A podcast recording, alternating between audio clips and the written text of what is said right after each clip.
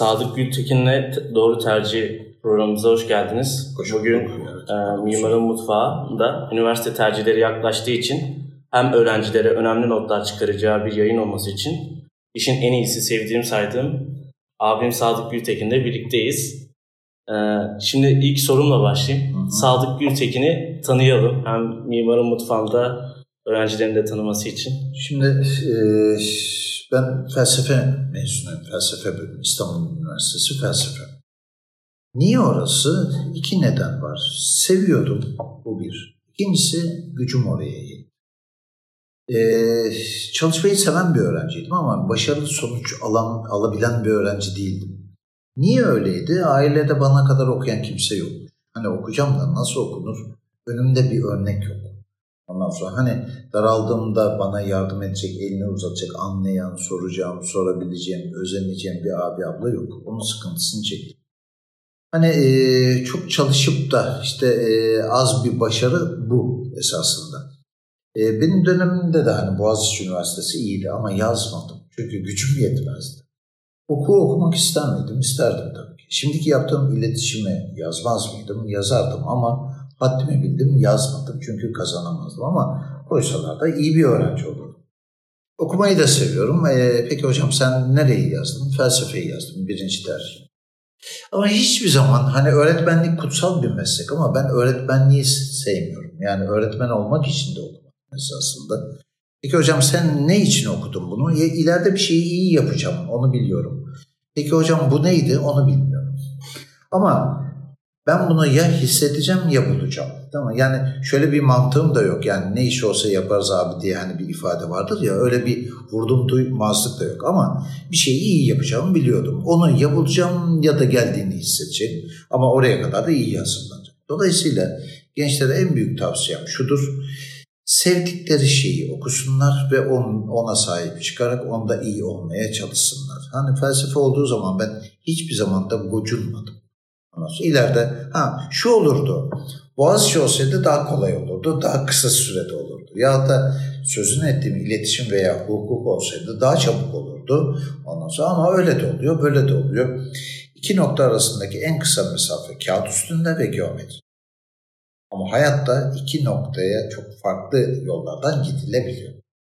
Sen gitmek istiyor musun? Sen var mısın? Ha, yollar yokuştu. Yokuş.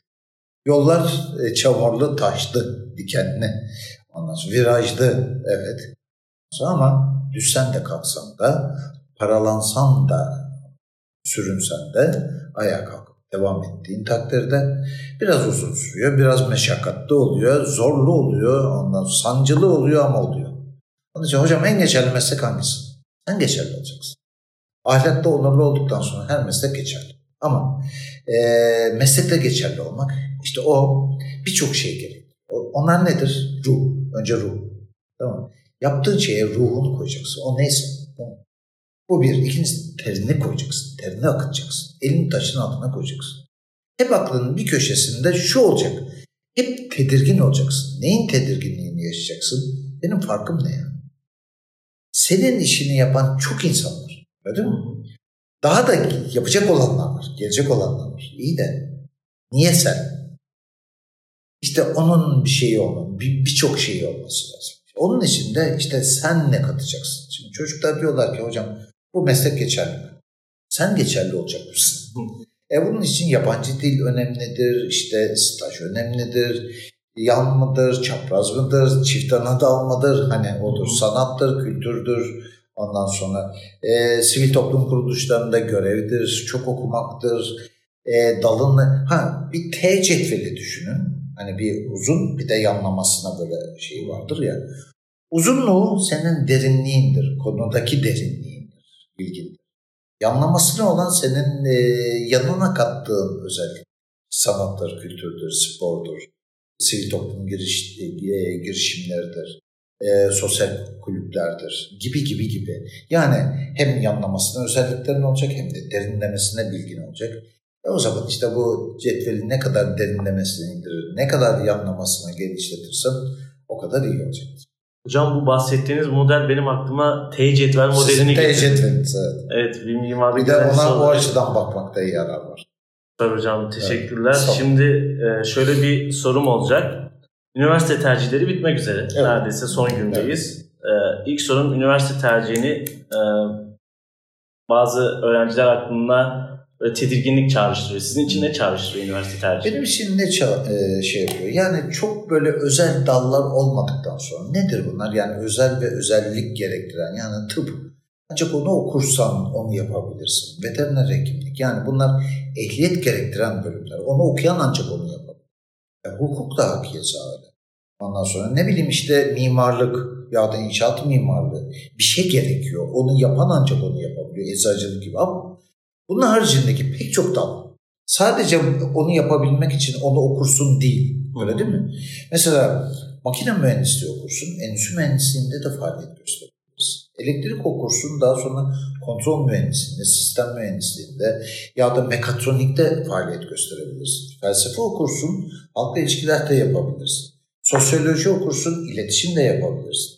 İktisat okursun, işletme de yapabilirsin. Yani o kadar çok geçişkenlik e, gösteren e, şeyler var ki, dallar var ki hani hocam şu ne eğer puanla tutuyorsa evet, tutmuyorsa o zaman ona yakın ondan sonra aynı çatı altında olan başka bir bölüm e, gerekirse çift oku, çift ana dal yap. Olmadı yüksek lisanslar tamamla.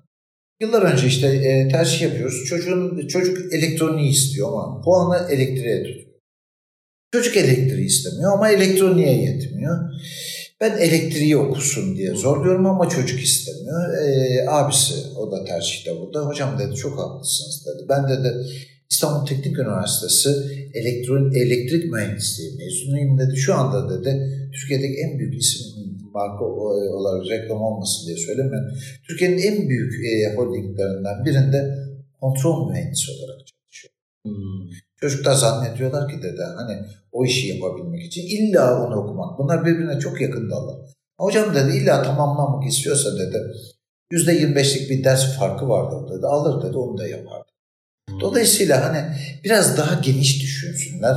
Kendileri ne katacaklar? Kendilerine ne katacaklar? Mesleğine ne katacak? Bunu düşünmelerinde yarar var. Hocam şimdi e, bu konuda herkesin de merak ettiği şey var. Aileler şimdiden çok Mesela, heyecanlı. Ona geçmeden önce sizin branşla ilgili bir örnek vereyim.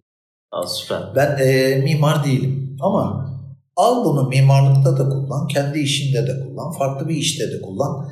Bakış açısı çok önemli. Ha belki olayın birazcık rivayet kısmı da vardır ama doğru kısmı da var. Ee, Kanuni Sultan Süleyman sizlere ömür, ikinci Selim, Sarı Selim Hı. padişah. Dirayetsiz bir padişah. Çöküşün başlangıcı, duraksama devri ondan sonra. E, fakat kadrosu çok iyi. Şansı yaver gidiyor. Yönetim kadrosu çok iyi. Sokullu Sadrazam bir de Şemsi Paşa var. O da dirayetli bir e, paşa. Fakat Sokullu ile Şemsi Paşa arasında da müthiş bir rekabet. Yani Osmanlı İmparatorluğu'na nam salmış. Güncel olaylar bile bir rekabet konusu.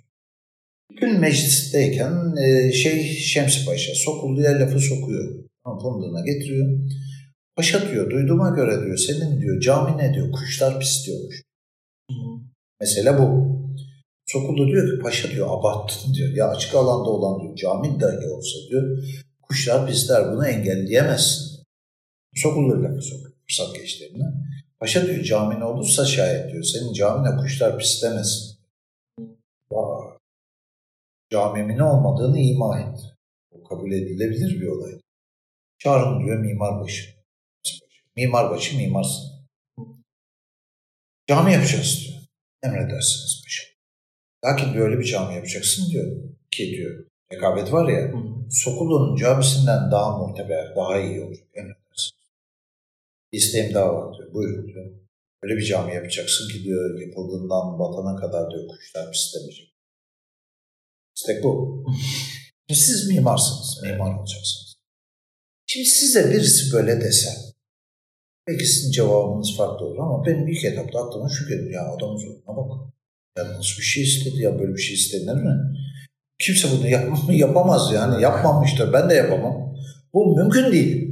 İlk etapta böyle denir. Fakat Mimar Sinan farklı. Sadece mimar değil. Çok şey var. Emredersiniz. Peki korktu da mı? Hani kelle gidecek diye korktu da mı böyle dedi? Hayır. Ya bakın sorunun cevabı çıkıyor burada. Neyse aradan 3 sene geçiyor, 5 sene geçiyor. Cami yok Mimar Sinan. Sabrı tükeniyor. Getirin diyor, bulun. Getiriyorlar. Ee, şey diyor, e, peki diyor yerini buldun mu diyor. Efendim diyor hazırlıklar tamam başlıyoruz diyor. Biraz daha sabrediyorum. Şimdi Üsküdar'da tam denizin kenarında sahilde Şemsi Paşa Camii. İşte 1600 küsürlü yıllarda yapılmış. Ya da plakasındaki adı ya da Diyanet'teki adı Şemsi Paşa Camii geçer. Fakat o caminin yapıldığından beri halk nezdindeki adı çok farklı. Ee, şimdi cami istedi, cami yapıldı. Fakat camiye baktığımız zaman cami küçük. Fakat o cami Mimar Sinan'ın yaptığı en son camisi. Hı hı. O cami Mimar Sinan'ın yaptığı en ileri camisi. O cami Mimar Sinan'ın kendi ifadesiyle söylediği ondan sonra yaptığım en son cami en ileri camimdir demiştir. Ve mimarlar arasında şöyle bir ifade geçer. İyi bir mimar bu camiyi incelemeden eee, şey yapmamalıdır, mimarlık yapmamalıdır. Peki nedir bu caminin özelliği? Bu caminin yeri özel.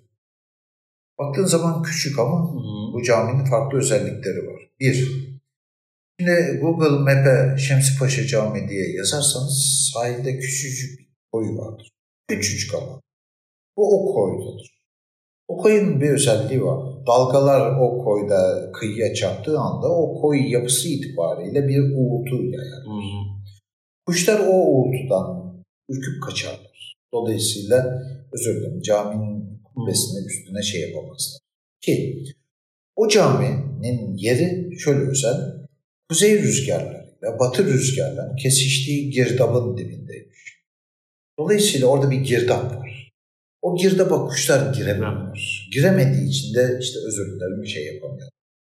Ee, üçüncüsü o caminin tepesinde, kubbesinde tepeye doğru kesişen oluklar var. Her caminin kubbesinde görürüz.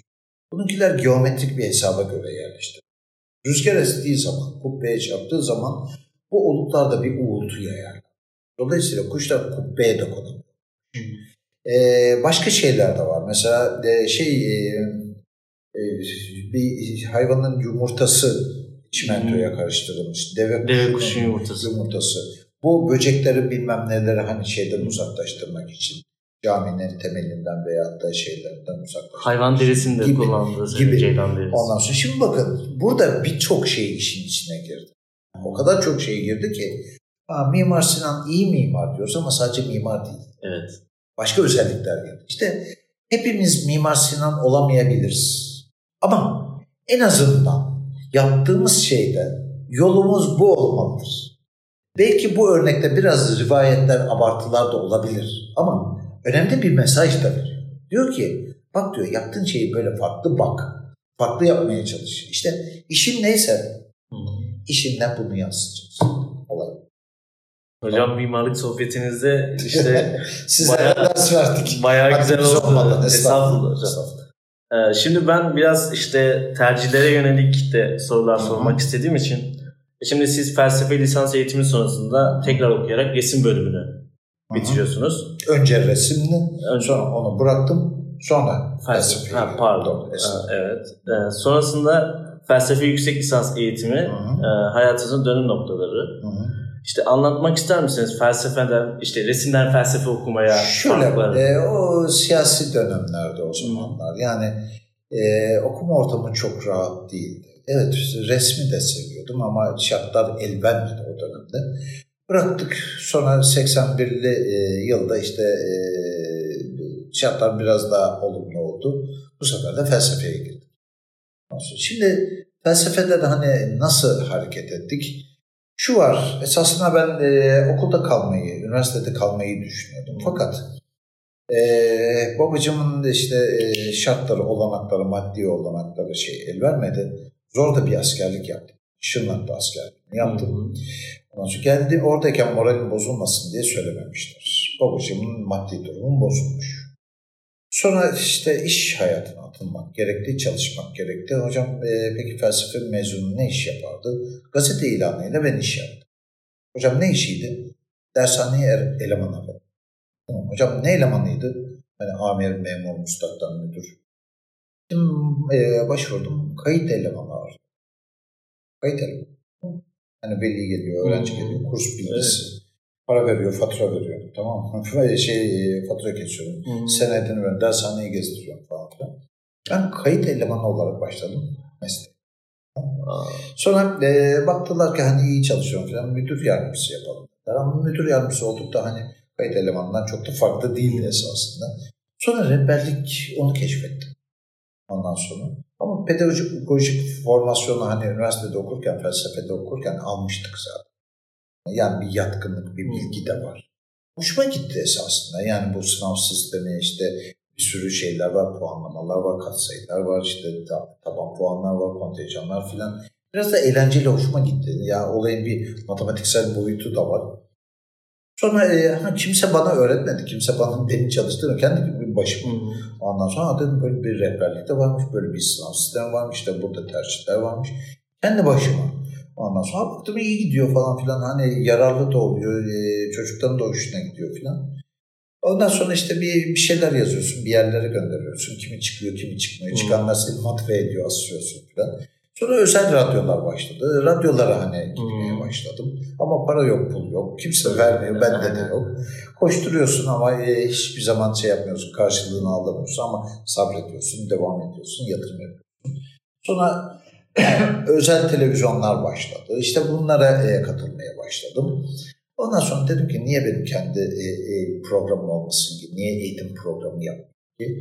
Ondan sonra işte bunları araştırsan kimisi gel diyor, kimisi git diyor, kimisi olur diyor, kimisi olmaz diyor ondan sonra. Ama peşinde koştuğun zaman oluyor işte, yani oluyor işte. Bu tamamen işte hocam e, girişimci Aynen. olmanın da Aynen yani kendi işin neyse kendi işinin girişimcisi olacaksın. Başka daha ne yapabilirim? Ne yapmam gerekir?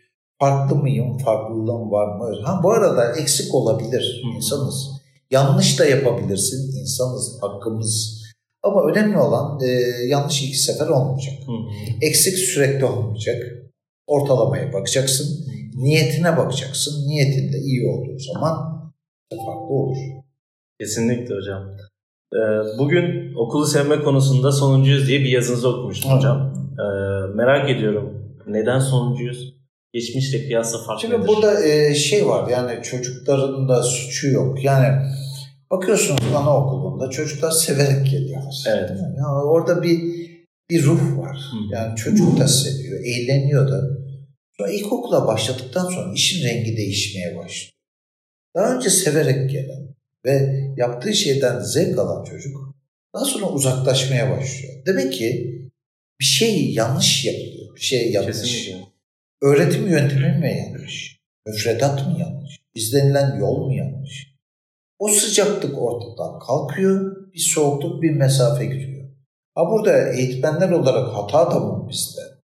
Bir şeyler yanlış yapılıyor. Şimdi çocuk ilk baştan e, çocuğu suçlamak en kolayı. Ama o bir hani e, şeyin e, felsefede bir söz vardır. Tabula rasa diye. John Locke'un bir sözdür. Yani e, beyin veya çocuk diyelim beyaz kağıt gibidir. Hiçbir şey yok. Sen üstüne onu ne yazarsan o onu alacaktır. Evet. Sen nasıl yazıyorsun? Sen ne yazacaksın? Çocuk onu alacak. Demek ki bir şeyler yanlış yapılıyor ki çocuk uzaklaşmaya başlıyor. Sevgi de bitiyor. İlk baştan çocuk iyi niyetle hani şey yapıyor ama sen zorlaştırırsan, sen işte soğutursan çocuk da bu sefer de geri çekiliyor. E, e, yapamama sıkıntısı başlıyor. Yapamadıkça uzaklaşma beraber geliyor. Şimdi bu yılki sınav sonuçlarına baktığınız zaman 2,5 milyon öğrenci bu sınavlara katıldı. Evet. Şeyde AYT'de alan yeterlilik testinde yani ikinci sınavda uzmanlık bilgi gerektiren e, sınavda kimyada 13 tane soru var. Türkiye ortalaması 13 soruda 0,9 net. Bir değil. Bir değil. Yani çocuklara sınavda atmayın diyoruz ya. Atsalar herhalde daha fazla tutar. E şeye bakıyorsunuz, e, fiziğe bakıyorsunuz 14 tane soru var. Türkiye ortalaması 1 net. 14 soruda 1 net. Peki biz ne yapmışız? e, bu çocuklara ne öğretmişiz? Çocuklardan ne istiyoruz? E, kimyaya bakıyorsunuz 13 soru var. E, kimyadaki e, şey 1,2 net. Yani kaç tane soru saydım size söyledim. E, topladığınızda 3.2 net yapıyor. Yani bu kadar soruda 3.2 nedir yani? Şimdi hadi şeydeki durum bu. Fen bilimleri zor diyelim. TYT esasında üniversiteye giriş sınavına hitap eden bir sınav değildir. Temel yeterlilik testi. Bu nedir? Ortaokuldan liseye geçme sınavının benzeridir esasında. Düzey olarak. Aynen. Ee, peki orada sosyal bilimler testi var. 20 soru var. Sosyal bilimler bir fen bilimleri değil zorluk bakımından. Bir yardımcı gerektirir mi? Gerektirmez. Okuduğun zaman anlarsın herhalde. Değil mi? Anlamadığın zaman bir daha okur anlarsın. Birisi anlattığı zaman anlarsın. Yardımcıya gerek yok, formül yok, simge yok, bir şey yok, işlem yok. 20 soruda Türkiye ortalaması ki en kolay test olarak addedilir. 7 net. Sosyal bilimlerde. E hadi fen zor, düşük. Sosyal kolay, o da düşük. Hı hı. Türkçe 40 soru var. Ya bu bizim ana dilimiz. Öyle değil Evet. mi? Bırak hani dersi, testi. Ana dil. Doğduğumuz andan itibaren duyduğumuz, konuştuğumuz şey. 40 soruda 15 net. Yani %50 bile değil. %50'nin altında. Altında. Demek ki biz okuduğumuzu anlayamıyoruz. Dinlediğimizde algılayamıyoruz. E şimdi Türkçe'de sıkıntın varsa sen öteki derslerde algılamanda da sıkıntı olacaktır. Değil mi? E şimdi demek ki çocukları değil. Ha onlarda da bir takım şeyler var. Ama demek ki başka sıkıntılar var. İşte e, başarısızlık bu olunca e, sevgi de olmuyor. Kesinlikle. Eğilme de olmuyor. Bunlar birbirini tamamlayan bütün parçalar. Hoc- Hocam şimdi e, sizin bu bahsettiğiniz sonuçlara yönelik ben e, biraz da hem e, lise öğrencilerine hem de üniversite öğrencileri hem de işte bu e, PISA ve PIAK sonuçları Evet. hakkında konuşmak istiyorum. Bakın e, bu e, soruyu az, e, az çok al- algılayabildim. Şimdi son iki yılda sınav sistemi değişti. E, PISA'nın istediği yapıya büründü. Yani eskiden neydi? Çalışırsan yaparsan yaparsın sınavıydı. Evet. Bir sürpriz yoktu. Çalışan yapardı. Çok çalışırsan daha iyi yaparsın. Şimdi o yetmiyor. Başka şeyler istiyor. Neyi istiyor? Yorumlamayı istiyor. Ya da sadece okuduğunu, anladığını, öğrendiğini değil, bağıntı kurmanı istiyor olaylar arasında. Transfer yapmanı, çıkarım yapmanı istiyor. PISA da bunu istiyor. Evet. PISA'da 52 ülke katılıyor. Sonlardayız. Çünkü bizim çocuklara desen ki konuyu anlat, birinci gelirler. Formülleri sırala, birinci gelirler. Ama bizim e, çocuklar öğrendiğinle hayatın içine uygula, entegre et. Ya da hayatta istenen bir şeye onu döndür. Bizim çocuklarda tık yok. İşte bu sınavda ona büründü. Onun için bu kadar düştü. Anladınız mı? Ha, demek ki bizdeki sıkıntı şu. Demek ki öğrettiğimiz şeyler hayatta entegre edilemiyor. Ya da öğrendiğimizde hayattaki karşılaştığımız bir sorunu, problemi üstesinden gelemiyoruz biz. Öğrendiğimiz öğrendiğimiz yerde kalıyor. Olay başka bir yerde kalıyor. E işte ikisinin arasında bir korelasyon yok. Diyoruz ki hep dillendiririz. Ya biz biliyoruz adamlar yapıyor. Adamlar bizim kadar bilmiyor ama nasıl yapıyor? Adamlar şunu biliyorlar. Bilgiye ulaşmak kolay her yerde. Ama bilgiyi yorumlamak işte. Olaylar arasındaki bağıntıyı kurup da farklı bir yere varabilmek, farklı bir sonuca ulaşabilmek, onu değerlendirebilmek. Biz kullanamıyoruz. İki şey ayrı yerde. Ve biz bunu birbirine entegre edemiyoruz. Sınavda da edememeye başladık. Hayatta da edemediğimiz için PISA'da da, öteki sınavda da ve bu yeni sınav iki yıldır uygulanan ye- ve LGS, lise giriş sınavı da aynı şeye büründü esasında. Orada da sıkıntılar baş gösterdi. Demek ki bizim yönümüzü çevirmemiz lazım. Mesela bu. Aynı şey üniversite eğitimi için de geçerli. Eskiden neydi? Teori ağırlıklıydı. Kesinlikle. Hep derdik ki iş hayatına atıldığımız zaman sudan çıkmış balığa döndük. Üniversiteden çok farklı şeyler Güzel. var. Şimdi biz ikinci bir üniversiteyi okumaya başlayacağız. işin içinde, hayatın içinde. Baktılar ki bu olmuyor. En azından üniversiteler e, yönünü çevirebildi. Diyor ki teorinin yanında pratiğin de olması lazım. Çünkü sektör, hayat bunu istiyor, bunu gerektiriyor. E mimarlıkta da öyle siz. Masa başında sadece sınıfta mimarlık olmuyor. Kesinlikle. E bunun bir uygulama, bir şantiyesi, bir pratiği var. var. Onun için bir ayağınız burada, bir ayağınız dışarıda. Ne kadar dışarıda olursanız oradaki bilgiyi de, ihtiyacı da buraya aktaracaksınız. Buradaki gördüğünüzü de orada uygulayacaksınız. Bu mimarlık için de geçerli, diğer dallar için de geçerli. Ha, üniversiteler işte adı staj olsun, işte bilmem ne olsun, teori olsun, pratik olsun, uygulama olsun, Erasmus olsun. Bu uyumu sağlayabildiler ama biz milli eğitimde, e, e, ilkokulda, ortaokulda, lisede henüz bu adaptasyonu sağlamış değil. Da sıkıntıları ne yazık ki üniversiteye gelene kadar devam ediyor. Biz üniversiteden birçok şey istiyoruz. Ne istiyoruz? 4-5 yılda dil de öğretsin. Açığı da kapatsın. Meslek de öğretsin. Hı hı. Kültür de versin. versin. Tamam mı? Ondan sonra sosyalleştirsin de. E şimdi bunların 4-5 yıla hepsi nasıl sığacak? Öyle değil mi? E, ama birçok şeyin önceden halledilmesi lazım. Hatta üniversite bir de bize şunu sağlasın. Bak biz hani sınava girdik, puan aldık bilmem ne ama daha biz mesleği de tanımıyoruz. tamam mı? Bize e, sen bir yol aç da hani çift ana dalda olsun, yan dalda olsun. Sonra biz istediğimiz, neyi istediğimizi de anlayalım da ona göre de hani e, yönümüzü çevirebilelim. Yani üniversiteden çok şey istiyoruz. Hocam o konuda esneklik yapma e, durumları olabiliyor bazı üniversitelerde. Örneğin fakülteye giriyorsun. Tabii. bütün fakültenin ortak aldığı birinci sınıf dersleri Aynen. var. Peki siz bu modeli nasıl düşünüyorsunuz? E, bu son derece e, yani e, mesela bizim dönemimizde bu var mıydı? Haberimiz yoktu. Ya da sadece kağıt üstünde mi vardı? Onu da bilmiyoruz ama şimdiki gençler, çocuklar, e, yavrularımız şanslılar. Yani şurada bile bakıyorsunuz o kadar çok olanak var ki. Açık büfe esasında. Hı hı. Ha sen bu açık büfeden ne kadar faydalanacaksın? Bu aldıklarını ne kadar enerjiye dönüş, sindirip de enerjiye dönüştürebileceksin? O sana kalacak.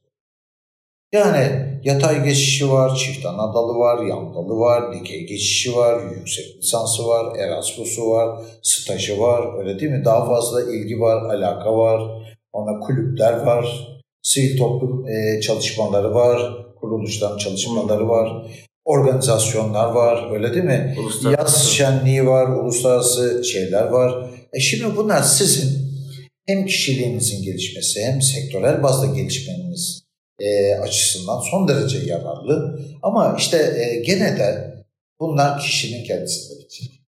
Burası çok güzeldi hocam. Çok güzel noktada bitirdiniz. Yani evet. şimdi benim en çok merak ettiğim nokta da bu üniversitelerin e, kontenjanların doluluk oranlarında her sene açıklama yapılıyor. Evet. Ama 2008 e, yılına göre Şimdi bu yıl bu yıl ne düşünüyorsunuz bu yıl? İlk baştan endişeliydim ben. Yani hmm. bu ekonomik sıkıntı işte dünyanın evet. gidişatı bize de yansıması. Ekonomik sıkıntıdan dolayı vakıf üniversitelerinin hani kontenjanında sıkıntı olur gibi geliyordu bana. Yanıldım, iyi de oldu yanıldım. Ee, bu tercih döneminde, yoğun geçen bu tercih döneminde hem Maltepe Üniversitesi'nde hem diğer vakıf üniversitelerinde e, ilgi alaka çok fazlaydı. Hakikaten öyle. İnşallah bu kayda da dönüşür ki dönüşeceği kanısındayım ki bu kadar bir yoğunluk oldu. Yani şu güzel bir şey esasen Türk insanı, Türk halkı okumaya merak her ne kadar sıkıntımız da olsak, ebeveynler olarak, aileler veya genel olarak baktığımızda biz gene de eğitimden kesmiyoruz, kısmıyoruz. Buna yatırım yapıyoruz çünkü bunun iyi bir şey olduğunu farkındayız. Hı Ve yarından sizler için, yarınlarımız için bu şart. Dolayısıyla ay, az yeriz, ondan sonra bir yerlerden kısarız ama bu taraftan kısmayız. Bence de iyi yaparız. Süper hocam. Evet. Peki e, sizinle mimarlık okumak isteyen öğrenciler hakkında da biraz sorular e, sormak istiyorum. Çünkü bu soruları ben duyurusunu yaptığım e, Sadık Hoca ile görüşmeyle alakalı gelen sorular. Yani Türkiye'deki mimarlık öğrenci kontenjanı son 10 yılda büyük artış olmuş.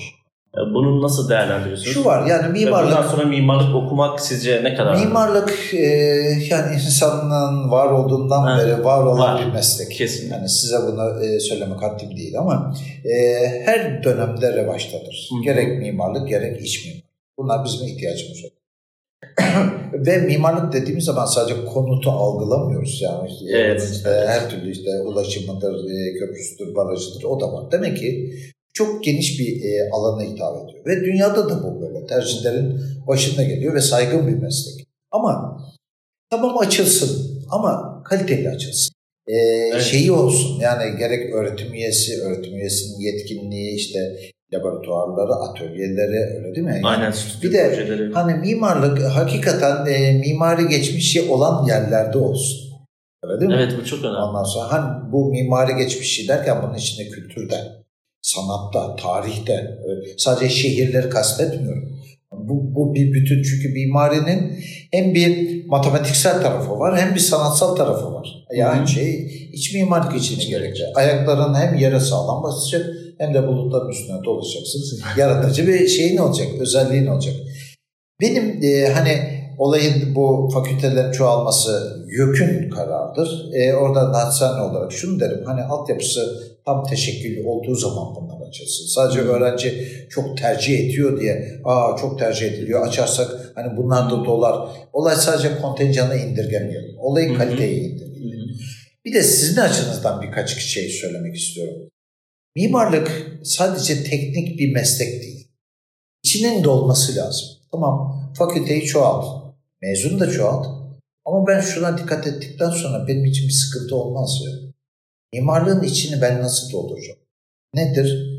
Tarih de okumam lazım benim.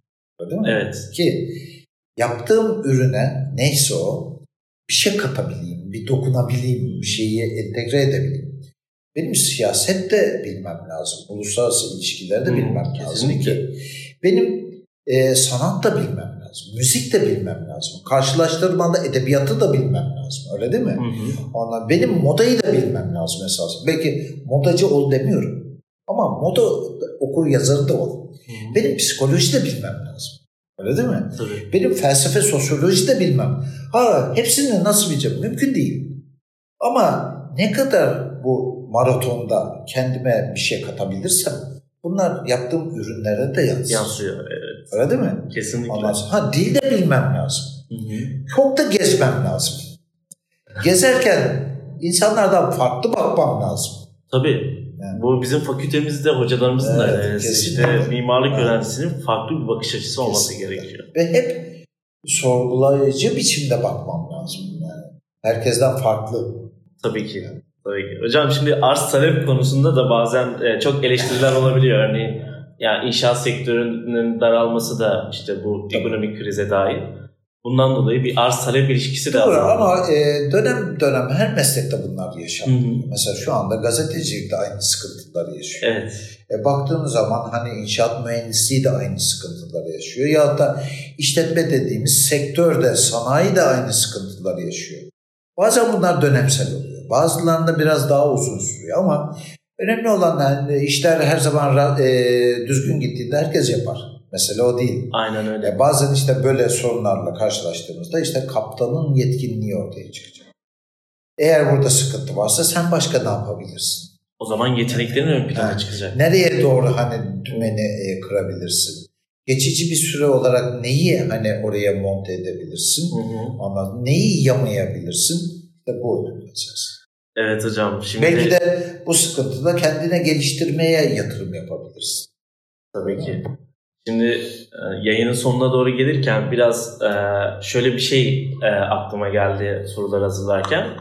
Hocam şu kadar net yaptım, şu puanı aldım, hangi bölümlerde okumalıyım sorularını izninizle birkaç şey eklemek istiyorum ben de kendi düşüncelerimi. Arkadaşlar ne okumak istediğinde puanla ya da net sıralamasına göre karar veriyor. Burada puan değil, e, sıralamaya baksınlar. Çünkü puanlar yıllara göre değişir. Evet, Ama sıralama yıllara göre çok fazla oynamaz. Hı. sonra, ondan sonra e, dolayısıyla hani en sağlıklısı tercihleri yaparken puanlarından kıyaslamasınlar. Kendi sıralarıyla güzel e, hep kendi sıralarıyla tercih yapmayı düşündüğü bölümün geçen seneki sıralamasını karşılaştırırsa, kıyaslarsa çok daha sağlıklı bir e, karar vermiş olur. Ya ilkokuldan e, hocamın e, bana ne okumak istersin dediğinde hocam ne olacağımı tam bilemiyordum. Şimdi bu gerçekten... Bu yadırganacak bir şey değil. yadırganacak esas. bir şey değil. Değil bence. Çünkü Ama sonrasında yeteneklerimi keşfettiğimde hocam cümlenizi unutmazsanız burada bir şey ekleyeceğim. yeteneklerimi keşfettiğimde aslında hangi bölüme nasıl uygunluk sağlayabileceğimi Doğru. ve kendimi nasıl geliştireceğimi sonradan Evet, fark ettim. Şu da var. Şimdi bakın şu anda çocuklar bir bölüm seçiyorlar. Peki kaç yıl sonra mezun olacaklar? İngilizce hazırlık varsa 5 yıl sonra mezun olacak. Öyle değil Hı mi? hı, evet. Yüksek lisans yaptığında bu ne kadar olacak? 6,5 sene. Hı hı, Askerlik yaptığı zaman ne olacak? İşte 7 sene, 7,5 sene bir şey olacak. hı hı. Şimdi biz şu anda 7,5 senenin sonranın kararını veriyoruz. Peki 7,5 sene sonra şimdiki verdiğimiz karar ne olacak acaba? Hı hı. Anladınız mı? Evet. Belki mimari de kabuk değiştirecek. Belki mimaride çok farklı bir şey çıkacak orada. Akımlar ortaya Akımlar çıkacak, çıkacak. evet. Ondan sonra ne bileyim daha önce hani bilgisayar diyorduk. Sonra yazılım oldu. Sonra ne oldu? Yapay zeka oldu. Sonra ne oldu? Mekatronik oldu. Sonra ne oldu? Robotik oldu. Yani 7 yıl sonra, 7 yıl çok uzun bir süre ve neler değişmez. Kesinlikle. Ha, Demek ki tamam temel bir dalımız var elimizde ama bir de değişim olacak. Değişime hazırlıklı olmak lazım. Evet. Ya da bir şeyleri değiştirmek lazım. Hı. Kendimizi de değiştirmek lazım. Böyle düşünmekte yarar. Hocam siz az önce yapay zeka örneğin e, işte 3D baskı e, ve bunun dışında çok yeni meslekler ortaya çıkmaya başladı. Ama aileler hep benim kızım oğlum doktor okusun ya da doktorluk okusun ya da doktor olsun mühendis olsun e, tarzında diretiyorlar. Yani siz ailelere bu konularda neler önerirsiniz? Çünkü yeni Yani meslekler çok çabuk Şu- türemeye Şu başladı. var hani e, onlar bizim yavrumuz. Kimse yavrusunun e, kötülüğünü istemez. Onun için tavsiyede bulunuyoruz. Onun için e, bilgi vermeye çalışıyoruz ama bazen tavsiye ve bilgi e, tavsiyeden e, olmaktan çıkıyor zorlamaya dönüşüyor. Hı hı. Yani bak benim dediğimi yapmasan sonra görürsün, çekersin. Ortada kötü yok ki bırakalım da kötüyü seçsin. Ortada hep güzel şeyler var da en güzeli bence onun istediği şey. O bizim yavrumuz ama o biz değil. Onun hayattaki yetenekleri, istekleri, memnun olacağı şeyler bizden farklı. Bize düşen tek bir şey var. Ebeveynler olarak, büyükler, eğitimciler olarak onun kararına saygı. E, gücümüz yettiğince maddi manevi arkasında durmak ve desteklemek. Hocam sıkıntı çekerse. E, yani çekebilir de sevmek ne demek? Sadece çıkarını mı sevmek? Zorluğunu da seveceksin sonra kolaylığını da. Yokluğunu da seveceksin sonra varlığını da. Meşakkatını da seveceksin sonra e, kolaylığını da. E, evlenirken e, inşallah o günlerinizi de görelim. Bir söz vardır hani kalpten mi çıkacak ağızdan mı çıkacak? İyi günde kötü, Kötü günde. yönde. Şimdi iyi günde dersek çıkardır o. Aynen işte şey gibi meslek gibi. Değil mi? Hı hı. İyi günde ha, bu meslek güzel.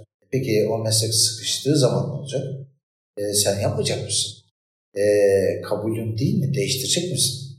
O zaman demek ki sen, sen sevmiyorsun onu. Hı hı. Sen onun getirisini, çıkarını seviyorsun. Onun için. E bitti mi? O da bitti. E, sağlıkta, hastalıkta. Hı. İyi, sağlıkta varız. E, hasta olunca e, biz yokuz kusura bakma. Bu olmaz. Bu sevgi değildir. Bu çıkardır. Meslekte seveceksin.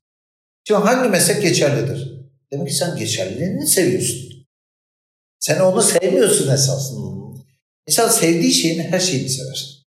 Varlığında yokluğunda. Yokluğunda varlığında öyle değil mi? Kesinlikle. Zorluğunda kolaylığında. E o zaman işte farklı olur esasında. Böyle gene çarpıcı bir örnek. Şimdi tercihlerde terzilik diye bir bölüm yok. Öyle değil mi? Evet.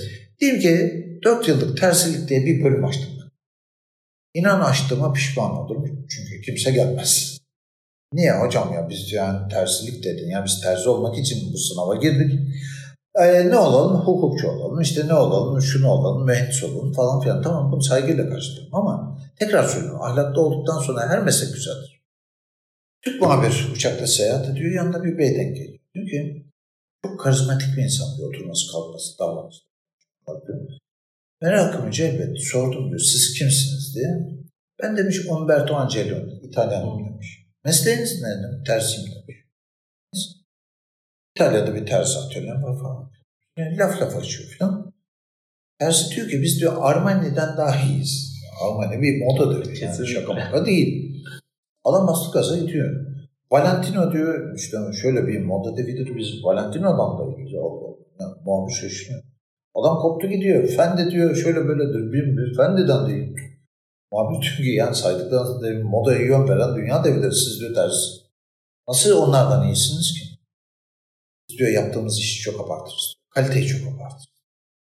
Sürekli diyor hani kötüleme babından söylemiyor bunu tabii ki ben de söylemiyorum da onlar diyor her alanda da faaliyet gösterir. İşte çanta, parfüm, kadın giysisi, erkek giysisi, gençtir, ayakkabıdır, çantadır, tokadır. Biz diyor tek bir alanda diyor. Erkek takım elbisesi yaparız. Gidiyor onlardan nasıl iyisiniz diyor. Biz diyor kaliteyi çok abartırız. Bir takım elbiseyi diyor müşteriye teslim etmeden önce diyor 42 kez ütüleriz. Şaka yapıyorsunuz diyor. İş konusunda şaka. 41 kez diyor normal ütü aşaması var. Son ütü diyor baş ütücüye aittir diyor. Onun diyor şirketteki şirketin sahibi olmama rağmen diyor onun statüsü benim de üstüm. Niye diyor bu kadar çok ütüleniyor peki diyor.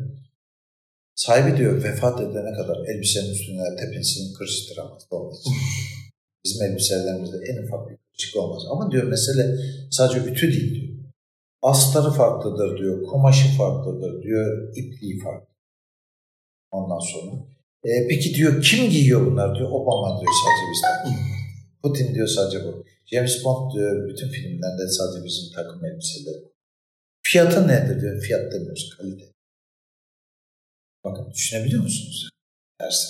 Ama dünyada saygın bir ders. Evet hocam şimdi e, şimdi son iki sorum kaldı bu konuda. E, ilk önce çok önem verdiğim bir sorun var. Çünkü üniversite tercihleri başladı. Şimdi aileler ve gençler çok heyecanlı üniversite hayatına başlayacaklar. Şimdi üniversite tercihlerindeki önerinizi aldım. Peki üniversiteden sonra öğrenciler ya da üniversiteye başlarken neler yapmalarını önerirsiniz? Ne tür önceden bir program hazırlamaları ee, Üniversiteye başlarken burayı bir yüksek lise gibi algılamamalı Yani sadece derse geldik. Ders bitti eve gidelim. Yazın da tatil yapalım. Ondan sonra işte dersler başlayınca gene düzenli olalım. Tabii ki bunları yapmaları gerekir. Ancak sadece bununla bitmeyecek.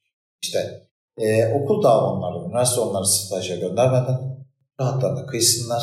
Hı E, kendi liglerinden staja gitmeye başlasın. Hem okusunlar hem çalışsın. Bu sırada kişilikler de gelişecek. Hayatın içinde daha çok yer almaya çalışacaklar.